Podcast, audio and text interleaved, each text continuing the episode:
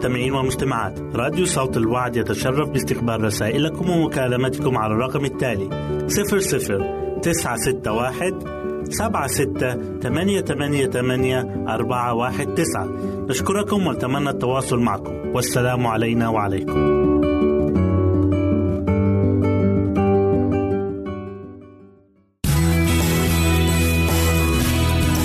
استماع وتحميل برامجنا من موقعنا على الإنترنت www.awr.org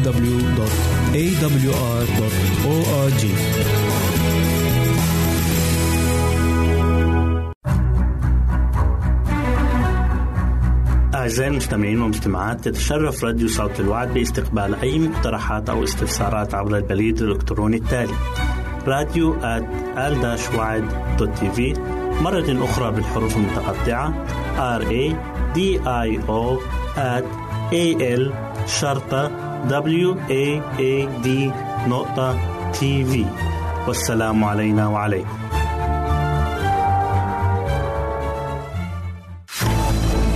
أعزائي المستمعين والمستمعات راديو صوت الوعد لا يكتفي بخدمتكم عبر الموجات الصوتية فقط بل وإنه يطرح لكم موقعا إلكترونيا يمكنكم من خلاله مشاهدة أجمل البرامج الدينية الثقافية الاجتماعية وغيرها من المواضيع الشيقة. يمكنكم زيارة الموقع من خلال عنوان التالي www.al-waad.tv مرة أخرى بالحروف المتقطعة. Www.al-waad.tv والسلام علينا وعليكم.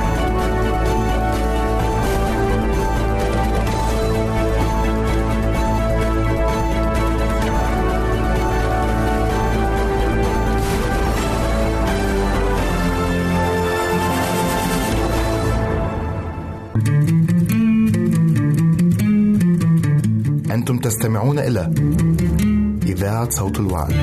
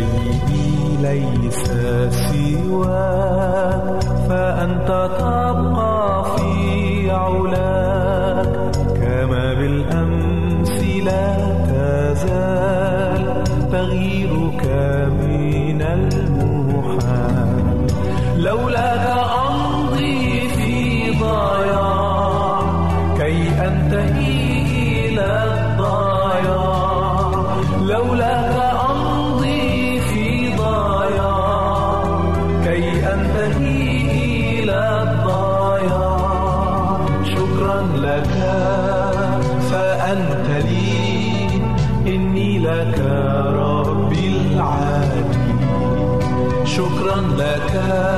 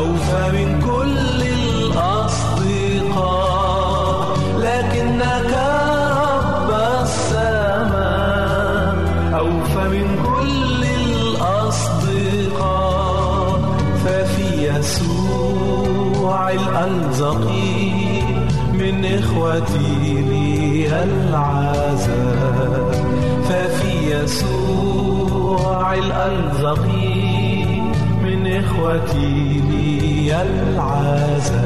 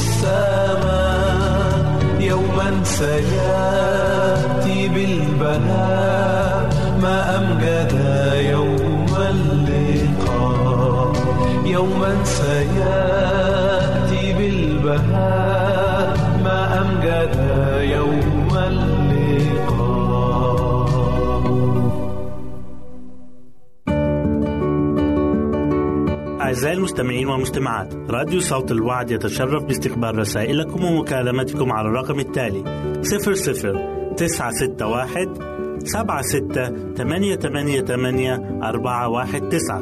نشكركم ونتمنى التواصل معكم. والسلام علينا وعليكم.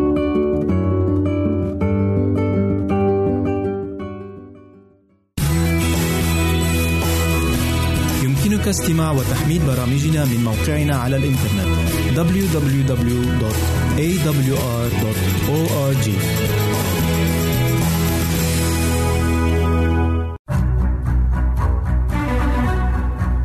أعزائي المستمعين والمستمعات يتشرف راديو صوت الوعد باستقبال أي مقترحات أو استفسارات عبر البريد الإلكتروني التالي راديو تي في مرة أخرى بالحروف المتقطعة R A D I O at A L شرطة W A A D نقطة تي في والسلام علينا وعليكم.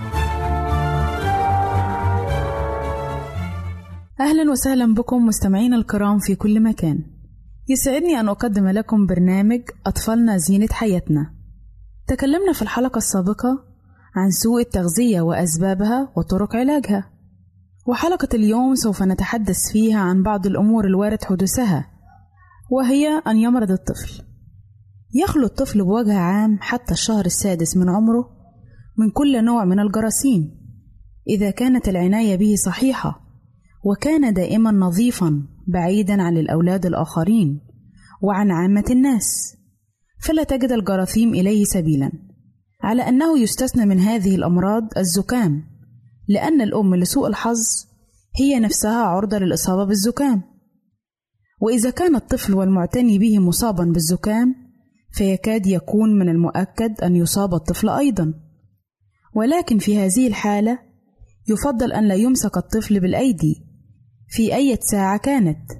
بل يترك في سريره إلا متى وجب الاعتناء به. وحينئذ يجب أن تكون الأم حذرة جدا فتغسل يديها وتبعد منديلها عنه ولا تتنفس في وجهه. وتسرع في إتمام مهامه قدر ما تقدر ثم تتركه لشأنه. ارتفاع الحرارة. قد يكون ارتفاع الحرارة في الطفل أول عرض من أعراض مرضه. كما قد يرافق ارتفاع الحرارة أي مرض من الأمراض التي ذكرناها أو يعقبها ويصبح الطفل متورد الوجه قلقا مترنحا كالسكران. وتزداد ضربات نبضه عن المعدل الاعتيادي أي 140 ضربة عند الولادة وبين 110 و 120 عندما يكون في الشهر السادس. وفي آخر السنة الأولى يتراوح بين 95 و 105 وفي آخر السنتين يتراوح بين 90 و 95 يصعب جس نبض الطفل في المعصم بل يسهل ذلك في خده بوضع رؤوس الأصابع بلطف على الخد. وهذا العرض أي زيادة ضربات النبض هو من أثبت الأعراض التي يبدأ بها أي مرض. واكتشافه في الطفل الكبير أسهل منه في الطفل الصغير. وإذا ظهر أن حرارة الطفل مرتفعة فإن أفضل علاج وأضمنه منع الطفل من تناول أي طعام. ما عدا عصير الفواكه والحليب المغلي. وربما إهمال وجبة واحدة والاستعاضة عنها بعصير البرتقال. وإذا كان الطفل كبير سنا يمكن أن يمضي عليه وقت أطول دون طعام. ما عدا عصير الفواكه. وإذا ظهر أن البراز رخو أو كان الطفل مصابا بالإمساك تعطى له حقنة في المستقيم وحمام ساخن. ومتى تمت كل هذه الأمور بأقل ما يمكن من الإزعاج للطفل يصبح الهدوء والراحة من الأمور الضرورية له. وإذا وجدنا الحالة سيئة يجب استدعاء الطبيب دون تباطؤ. لا تقلق الطفل. اترك الطفل لشأنه وبعد أن تستدعي الطبيب لا تستدعي طبيبا آخر. إذ لم يصف له الطبيب الأول أمور كثيرة وعلاجات متعددة. فهذا دليل على أن الطبيب الذي استدعيته أولا هو طبيب عصري يعرف أحدث طرق المعالجة. ولا شك في أن فرص الشفاء للطفل المريض كثيرا ما يذهب بها أو يقللها لجاجة بعض الأنسباء وقلقهم لأنه إذا بقي الطفل هادئا غير منزعج يزداد أمله بالشفاء كثيرا. إذ تتمكن الطبيعة من مقاومة المرض بطريقة أفضل. وقلما يحتاج الطفل إلى علاج لأنه يقاوم بدونه. وإذا أشار الطبيب بمعالجة ما وقمت بها فلا تعدها مرة ثانية إلا بعد أن يشير عليك بذلك. وإذا شككت بشأنها فاضمن طريقة الإقلاع عنها. واترك الطفل هادئا في فراشه الصغير. ولكن لا تنسى أبدا أن تقدم للطفل الكثير من الماء للشرب لأن ارتفاع الحرارة يستدعي شرب الماء بكثرة. وعلى وجه العموم يمكن القول أن كل مرض قد يصيب الطفل. لا يحرم فيه استعمال ماء الشرب لا بل يجب إعطاؤه. إذ كثيرا ما يكون قلق الطفل المريض وانزعاجه ناتجين عن عطشه. إذ ننسى أن نقدم له الماء. وكم من الأطفال الذين يموتون بسبب حاجتهم إلى ماء الشرب. لهذا إذا كنت في حالة اضطراب وقلق لا تنسى أن تقوم بهذا الأمر الضروري. كلمة أخيرة. إذا كان الطفل يسير على برنامج صحيح وطعام ملائم لا يبقى من داعي للقلق والاضطراب. إذا حدث وأصابه مرض ما لأنه على الأرجح يجتاز العاصفة بسلام دون أن تعرقل سيره كثيرا. وبما أن لكل قاعدة شواذ يقدر بك أن تستدعي الطبيب لتأمن من الخطر إذا شككت في مقدرة طفلك على المقاومة. ورب قائل يقول لنفرض أن الطفل قد ابتلع دبوسا أو مسمارا صغيرا فماذا نفعل؟ حتى المسمار يسير في طريقه على الأرجح دون أذى. ولا نقدر أن نفعل أكثر من أن نصوره بأشعة إكس إذا كنا في شك. وكذلك الدبوس يسير الطريق نفسها بسلام إلا إذا كان لسوء الحظ قد انفتح عند البلع. وحتى في هذه الحالة نعرف أن الطبيعة قد تدبرت الأمر في عدة حوادث. والتصوير بأشعة إكس يجلو الموقف ويبين الأمر الذي على ضوءه تعطى المعالجة. إلى هنا نأتي أعزائي إلى نهاية برنامجنا أطفالنا زينة حياتنا وإلى لقاء آخر على أمل أن نلتقي بكم. تقبلوا مني ومن أسرة البرنامج أرق وأطيب تحية وسلام الله معكم. أعزائي المستمعين والمستمعات راديو صوت الوعد لا يكتفي بخدمتكم عبر الموجات الصوتية فقط بل وإنه يطرح لكم موقعا إلكترونيا يمكنكم من خلاله مشاهدة أجمل البرامج الدينية الثقافية الاجتماعية وغيرها من المواضيع الشيقة. يمكنكم زيارة الموقع من خلال العنوان التالي www.al-waad.tv مرة أخرى بالحروف المتقطعة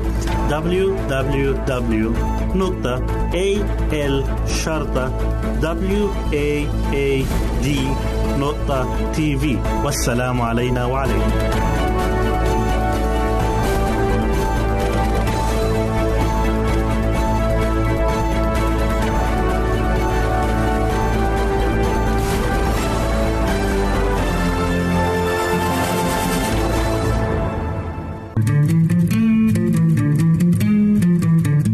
أنتم تستمعون إلى إذاعة صوت الوعي.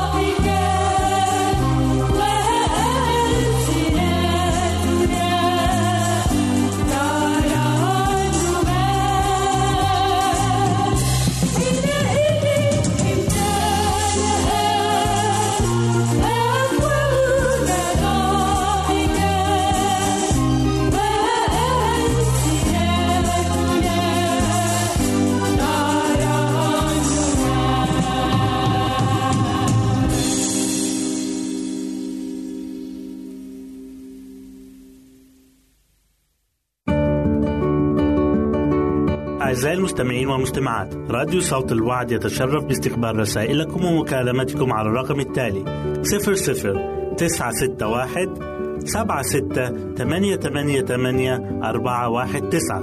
نشكركم ونتمنى التواصل معكم. والسلام علينا وعليكم.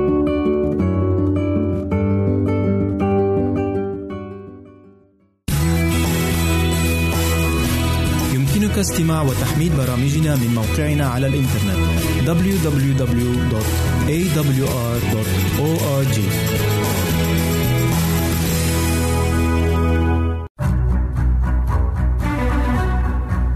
أعزائي المستمعين والمستمعات تتشرف راديو صوت الوعد باستقبال أي مقترحات أو استفسارات عبر البريد الإلكتروني التالي راديو في مرة أخرى بالحروف المتقطعة R A D I O at A L شرطة W A A D نقطة تي في والسلام علينا وعليكم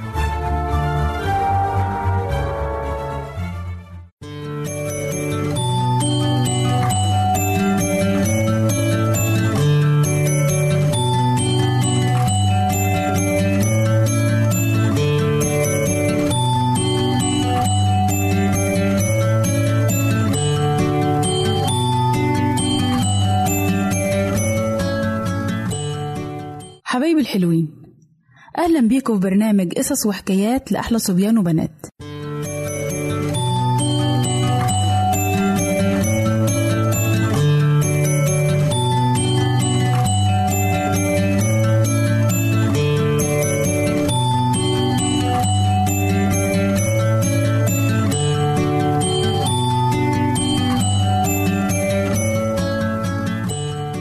قصتنا النهاردة بعنوان عدنان الأمين.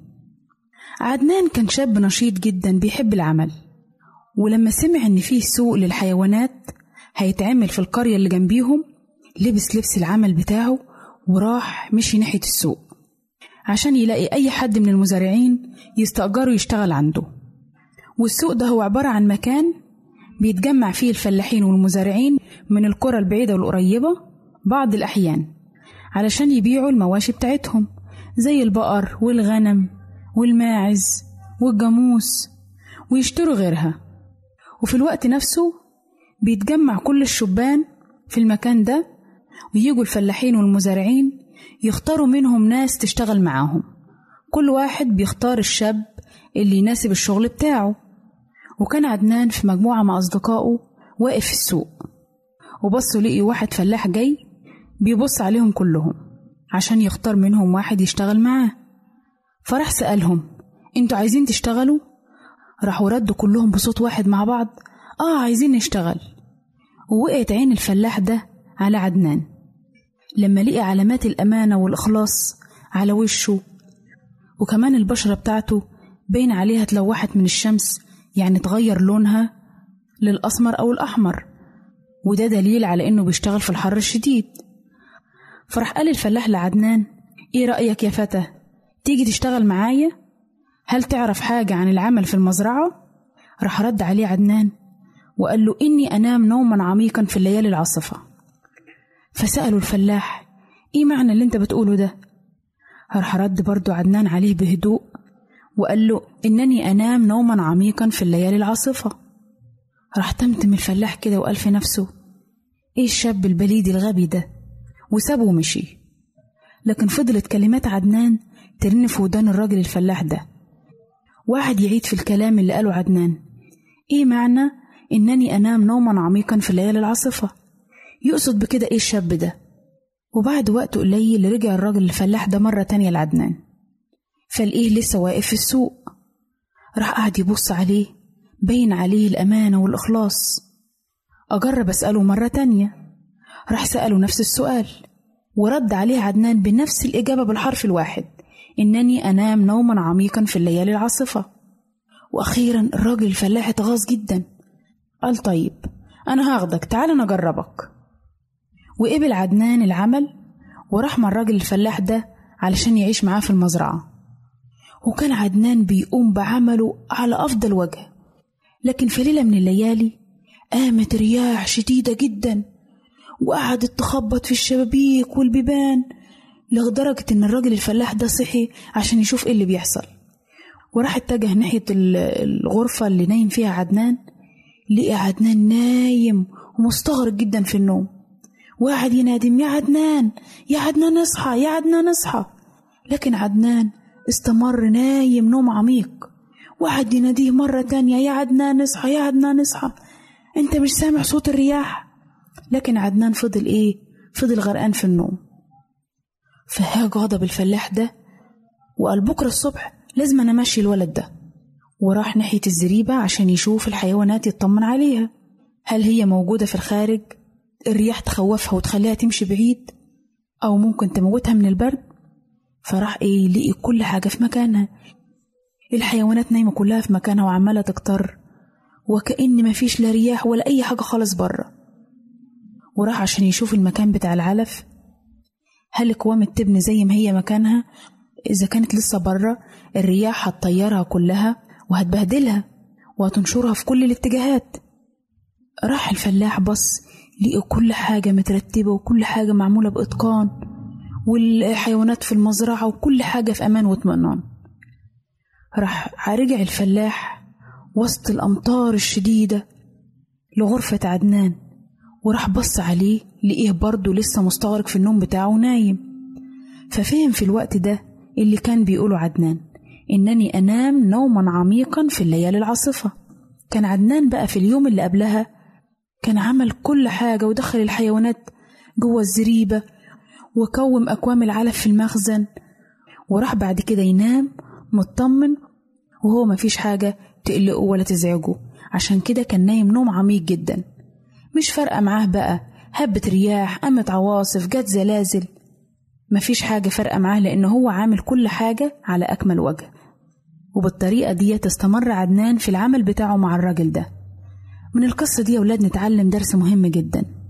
إننا لما نكون عاملين اللي علينا ومرتبين كل أمورنا مهما حصل مفيش حاجة تزعجنا ولا تقلقنا. عدنان كان من الشباب المنظم المرتب اللي بيعرف يعمل استعداد لكل حاجة قبل ما تحصل. وياريت كلنا نتعلم الدرس ده. وبكده نكون وصلنا لنهاية قصتنا واستنونا في قصة جديدة من برنامج قصص وحكايات لأحلى صبيان وبنات. ربنا معاكم.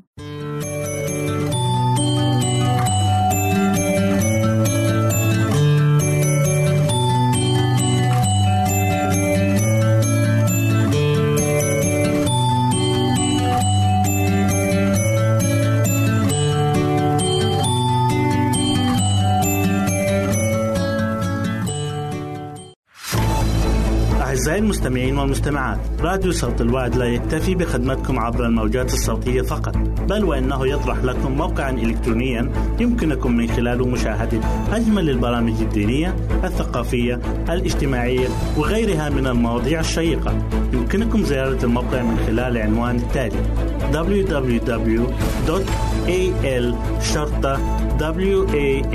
www.al-waad.tv مرة أخرى بالحروف المتقطعة www.al-waad.tv والسلام علينا وعليكم.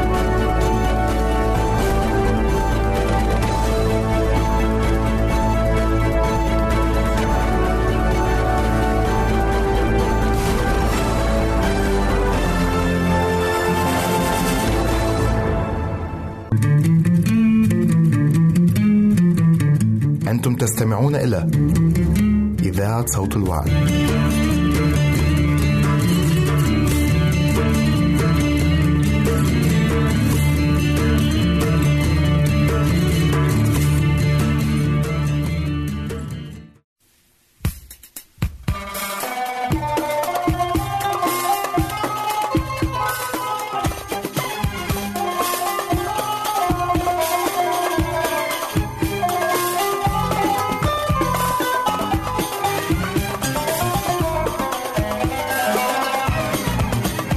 ربي راعي وسلامي. عمري ما أحتاج لي سواه في الجدوب هو طعامي.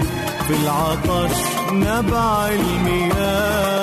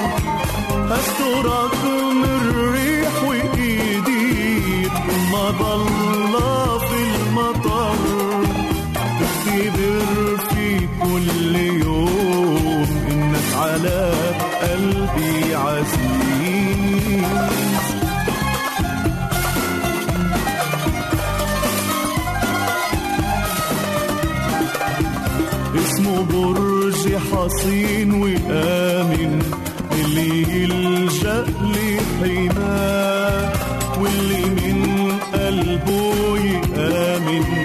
يلقى في الرب النجاة. ده الظلام إن زاد وغطى عالأراضي والبشر. نوره يشرق من طلب وصبر قال لي ما تخافش في دخولك وخروجك من الخطر. هسترك من الريح وإيدي. ما ضل في المطر. قال لي ما تخافش دخولك وخروجك من الخطر.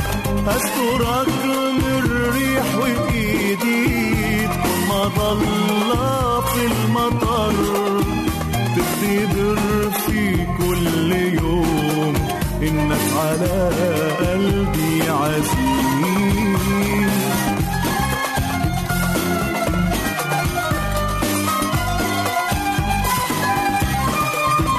يمتلي الفم بمديحه. عمري بيه من هداني للمراعي من حملني على منكبي. لا عوز للي عليه. ولكن يشبع الناظرين إليه.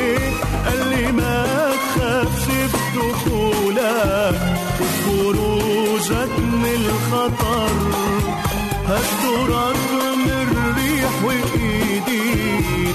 ما ضل في المطر قال لي ما تخافش في دخولك وخروجك من الخطر هسترك من الريح وإيدي. ما ضل في المطر تختبر في كل يوم منك على قلبي عزيز.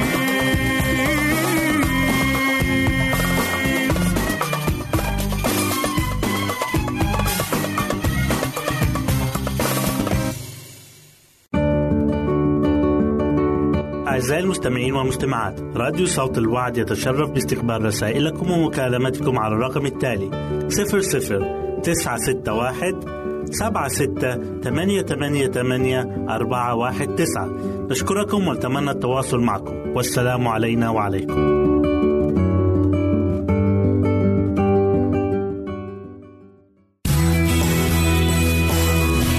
يمكنك استماع وتحميل برامجنا من موقعنا على الإنترنت www.awr.org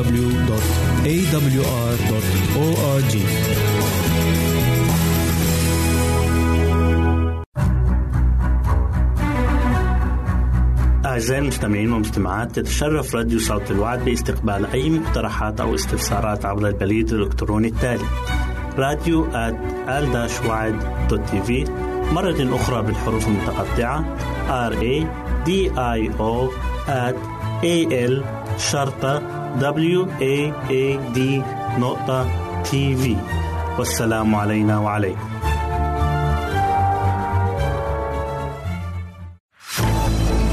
أعزائي المستمعين والمستمعات راديو صوت الوعد لا يكتفي بخدمتكم عبر الموجات الصوتية فقط بل وإنه يطرح لكم موقعا إلكترونيا يمكنكم من خلاله مشاهدة أجمل البرامج الدينية الثقافية الاجتماعية وغيرها من المواضيع الشيقة. يمكنكم زيارة الموقع من خلال العنوان التالي www.al-waad.tv مرة أخرى بالحروف المتقطعة. Www.al-waad.tv والسلام علينا وعليكم.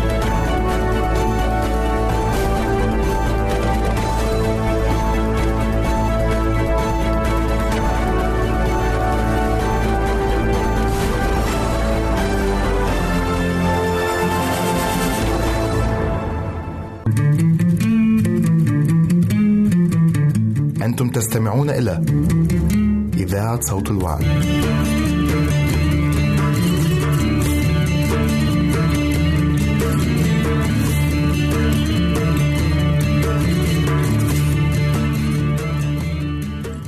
أرحب بكم في هذه الحلقة الجديدة بعنوان أهمية التوقيت من برنامجكم الدوري بيت جنتي وأنا شخصيا كان لي مرة بيت زجاجي لزراعة النباتات وقد تعلمت العديد من الأمور من هذا البيت الزجاجي. ساعدتني أن أكون مربية أفضل لأطفالي. وأحد هذه الدروس التي تعلمتها هو أهمية التوقيت. إننا محاطون بما يعلمنا دروسا عملية تساعدنا على التعمق في أهمية مبادئ تنشئة الأطفال. منذ عدة سنوات مضت قررت الحصول على بيت زجاجي للزراعة لأن عائلتي كانت بحاجة إليه. سيما وأن العديد من أصدقائي كانوا يمتلكون مثل هذه البيوت الزجاجية. وكنت أنا أفكر في استخدامها لزراعة كل ما تحتاجه عائلتي بقليل من الجهد والتكلفة. كان الأمر يبدو غاية في السهولة. فإذا كان غيرنا يزرع خضرواته فلماذا لا نفعل نحن الشيء ذاته؟ وهكذا أقنعت زوجي بكل لطف فوافق أن يبني لنا مثل هذا البيت النباتي شرط أن أستغله أنا والأطفال ونزرعهم. وكانت دهشتي الأولى عندما عملت مقدار التكلفة المتضمنة في إقامة مثل هذا المشروع بالحجم الذي أردته ولكننا استثمرنا الأموال التي تكفي له.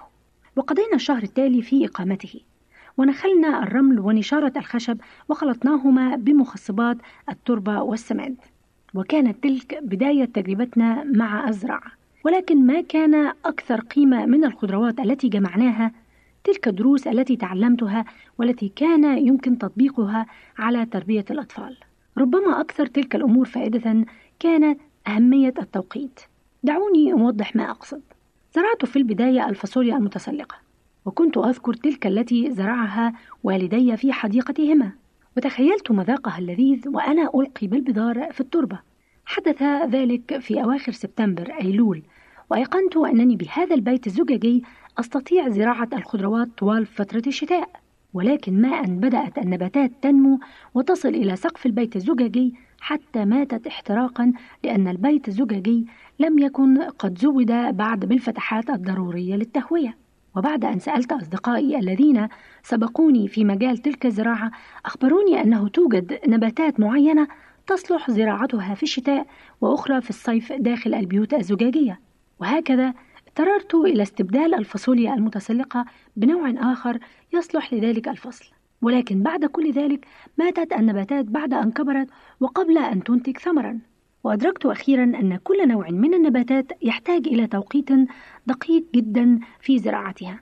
فلو أنني فقط علمت المواعيد الدقيقة لزراعة كل صنف لما ماتت. التوقيت له أهميته أيضا في تنشئة الأطفال. فإذا زودت الأطفال بمعلومات وتعليمات كثيرة في وقت مبكر قد يجعل الأمر يختلط عليهم كما أن تهذيبهم قبل حصولك على المعلومات الكافية لا فائدة منه بل ويسبب إحراجا كبيرا. وإذا أرجعت التأديب وقتا أطول من اللازم قد يكون أنك أيضا قد تأخرت عن منع حدوث الكارثة. كما أن الطفل يفقد الاستفادة من التأديب والتهذيب لبعد المسافة بينه وبين الخطأ الذي ارتكبه. وإذا طلبت من ابنك أن يقوم بعمل ما بينما هو منهمك في نشاط آخر يجعل فرص امتثاله لأوامرك وتعليماتك ضعيفة بشكل كبير. ولكنك إذا نبهته إلى أنك ستحتاجين إلى معونته في غضون 15 دقيقة فستزيد فرصة الطاعة بدرجة كبيرة. وفيما يتعلق بتشجيع طفلك على تطوير أخلاقه وصفاته فعليك استغلال الفرصة الملائمة لتعليمه. الوقت الذي فيه تجدين بدار الحق أفضل فرصة للنمو وعندما تكون فرصة تعلم تلك الدروس أغلى ما تكون. التوقيت مهم جدا بالنسبة لتنشئة الطفل. فقد تعلمت هذه الحقيقة من خبرتي وتجربتي في مجال الزراعة في البيوت الزجاجية. صدق الحكيم إذ قال لكل شيء زمان ولكل أمر تحت السماوات وقت. ويصدق هذا أعزائي على عالم النبات والإنسان. أسأل لكم الحكمة لتنشئة صغاركم في الطريق المستقيم. طاب يومكم وفي رعاية القدير. لنا لقاء. أعزائي المستمعين والمستمعات راديو صوت الوعد لا يكتفي بخدمتكم عبر الموجات الصوتية فقط بل وإنه يطرح لكم موقعا إلكترونيا يمكنكم من خلاله مشاهدة أجمل البرامج الدينية الثقافية الاجتماعية وغيرها من المواضيع الشيقة. يمكنكم زيارة الموقع من خلال العنوان التالي www.al-waad.tv مرة أخرى بالحروف المتقطعة. Www.al-waad.tv والسلام علينا وعليكم.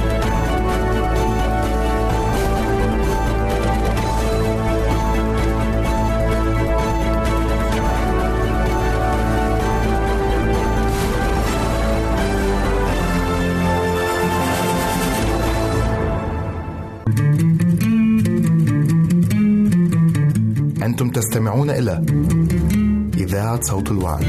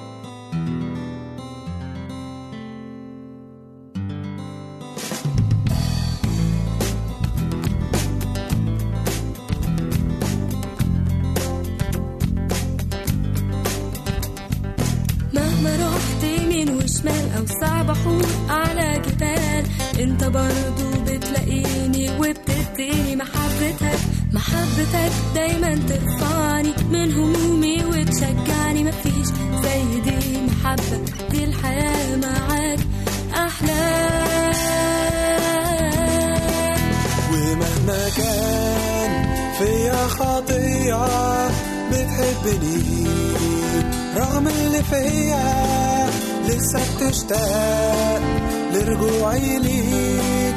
أنا جاي واقف بين إيديك. ومهما كان فيا خطيه بتحبني. رغم اللي فيا لسه بتشتاق لرجوعي ليك. اقبلني يا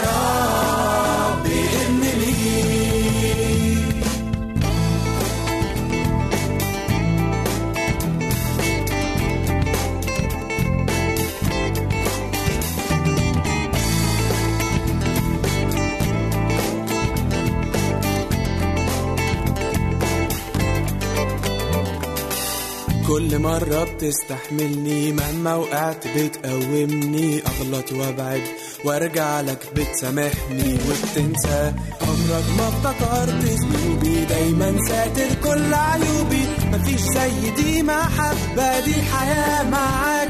أحلى ومهما كان فيا خطية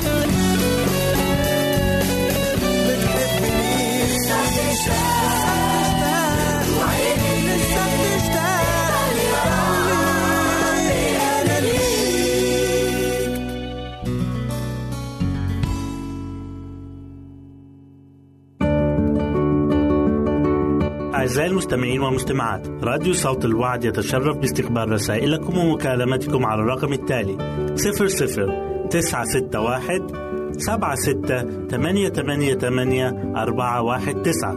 نشكركم ونتمنى التواصل معكم. والسلام علينا وعليكم.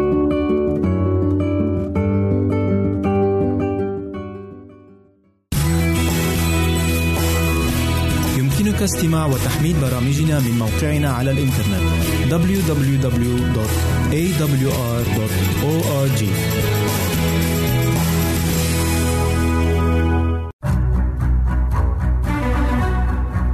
أعزائي المستمعين والمستمعات تتشرف راديو صوت الوعد باستقبال أي مقترحات أو استفسارات عبر البريد الإلكتروني التالي راديو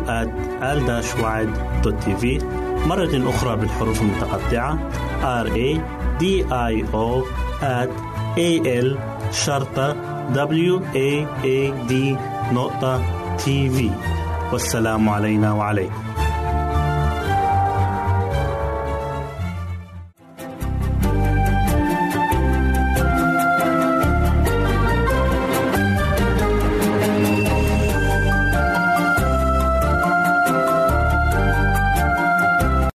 أخرى نرحب بكم أعزائي المستمعين في حلقة جديدة من برنامج دروس حياتية من عائلات كتابية.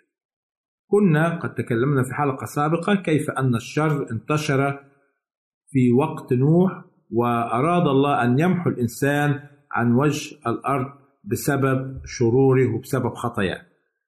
ولقد عرفنا أن العالم في وقت نوح كان مليئا بالشر والتمرد على الله. فكيف استطاع نوح أن يظل أمينا لله بالرغم من الظروف الصعبة المحيطة به؟ وما هي القوة التي جعلته ثابتا على طاعته لله؟ بالفعل لم يكن من السهل على نوح أن يظل امينا لله هو وعائلته في الوقت الذي كان فيه كل الناس من حوله بل كل العالم الذي كان يعيش فيه في ذلك الوقت كان شريرا ومتمردا على الله وعلى شريعته. ولكن استطاع نوح أن يعيش امينا لله. يمكن البعض يسأل ما هو سر القوة التي جعلت نوح يظل امينا لله؟ أو ما هذه القوة؟ عندما نقرأ سفر العبرانيين أصحاح 11 سوف نجد أن نوح هو واحد من أبطال الإيمان. وهذا الإيمان هو الذي منحه القوة لمقاومة الشر. ومنحه الثبات في أمانته وطاعته لله. لذلك يقول الكتاب المقدس في رسالة يوحنا الأولى والأصحاح الخامس والعدد الرابع لأن كل من ولد من الله يغلب العالم وهذه هي الغلبة التي تغلب العالم إيماننا. نعرف من الكتاب المقدس أن نوح أخذ أو ورث هذا الإيمان من آبائه ونقله إلى أبنائه. وهذا درس هام لنا كآباء. كثيرا ما نهتم أن نترك ميراث لأولادنا. وعندما نذكر كلمة ميراث فإن تفكيرنا يتجه إلى الأشياء المادية. في معنى هذه الكلمة فالميراث في المفهوم البشري والعالمي يعني ممتلكات عقارات أراضي أموال. فبعض العائلات تترك لأولادهم ميراث ثروات وممتلكات. وبعض العائلات تترك ميراث ديون أو أزمات مالية أو مادية. وكلا الشيئين يرتبطان بالمادة أو الأمور المادية. ولكن في مفهوم الكتاب المقدس الميراث له معنى أسمى وأعظم حيث نقرأ في بطرس الأولى. والأصحاح الأول والعدد ثلاثة وأربعة. مبارك. الله أبو ربنا يسوع المسيح الذي حسب رحمته الكثيرة ولدنا ثانية لرجاء حي بقيامة يسوع المسيح من الأموات. لميراث لا يفنى ولا يتدنس ولا يضمحل محفوظ في السماوات لأجلكم. هذا الميراث الذي لا يفنى والمحفوظ في السماوات هو الحياة الأبدية. وهذا الميراث الأعظم تشجعنا كلمة الله أن نقدمه لأولادنا. أعظم ميراث يمكن أن تقدمه لابنك أو ابنتك. أن تضع قدماه على بداية الطريق الصحيح. طريق معرفة الله. طريق الخلاص الذي قدمه السيد المسيح لكي لا يهلك كل من يؤمن به بل تكون له الحياة الأبدية. نعلمهم أن يستعدوا ويجهزوا حياتهم حتى عندما يأتي المسيح في مجيئه الثاني يكون لهم نصيب معه في ملكوت السماوات. نعلمهم أن كل ما في العالم من مغريات وشهوات ستبطل وتنتهي. هذا هو الميراث الحقيقي في مفهوم الكتاب المقدس. ولكن عندما نقرأ في تكوين أصحاح ستة نجد الله يطلب من نوح أن يصنع فلكا لنفسه هو وبنيه وامرأته ونساء بنيه وأن يدخل من كل أنواع الحيوانات والطيور اثنين اثنين ذكرا وأنثى للإبقاء عليها فلماذا جعل الله الفلك لنوح وعائلته فقط؟ لماذا لم يعطي فرصة للتوبة للناس الذين عاشوا أيام نوح حتى يدخلوا هم أيضا إلى الفلك ولا يهلك؟ في الحقيقة هذا السؤال يراود الكثيرين لماذا صنع الفلك لأجل نوح وأولاده فقط؟ لما نقرأ تكوين ستة بنفهم أن الله جعل نوح يصنع الفلك لنفسه وعائلته فقط. ولكن لنتأمل فيما يوصينا به الكتاب المقدس على لسان الرسول بولس. حيث نقرأ في كورنثوس الأولى الأصحاح الثاني وعدد 13 تقول كلمة الرب التي نتكلم بها أيضا لا بأقوال تعلمها حكمة إنسانية بل بما يعلمه الروح القدس قارنين الروحيات بالروحيات. يوصينا هنا الرسول بولس أننا يجب أن نقابل ونقارن الآيات بالآيات التي تتكلم عن نفس الموضوع في كتب وأسفار الكتاب المقدس. لأنه من الخطأ أن نخرج باستنتاج وتفسير ما من خلال أصحاح أو بعض الآيات. مثل الأصحاح السادس من تكوين يظهر وكأن الله غير عادل في معاملاته معنا. وهذا بالطبع غير صحيح. لكي نفهم تكوين الأصحاح السادس يجب أن نقارن بعض الآيات التي تتكلم عن نفس الموضوع. فنقرأ في بطرس الثانية الأصحاح الثاني والعدد الخامس. ولم يشفق على العالم القديم بل إنما حفظ نوحا ثامنا كارزا للبر إذ جلب طوفانا على عالم الفجار. هنا توضح هذه الآية أن نوح كان كارزا للبر. كرز وبشر وحذر الناس الذين عاشوا في أيامه. سعدت أن أكون معكم في هذه الحلقة أعزائي المستمعين. إلى أن ألقاكم في حلقة جديدة. سلام الرب يكون معكم. نرجو التواصل معنا عبر هذه العناوين. للتشات www.al-waad.tv وللرسائل radio at al-waad.tv والاتصال عبر الواتساب 961 76 eight eight eight four one nine.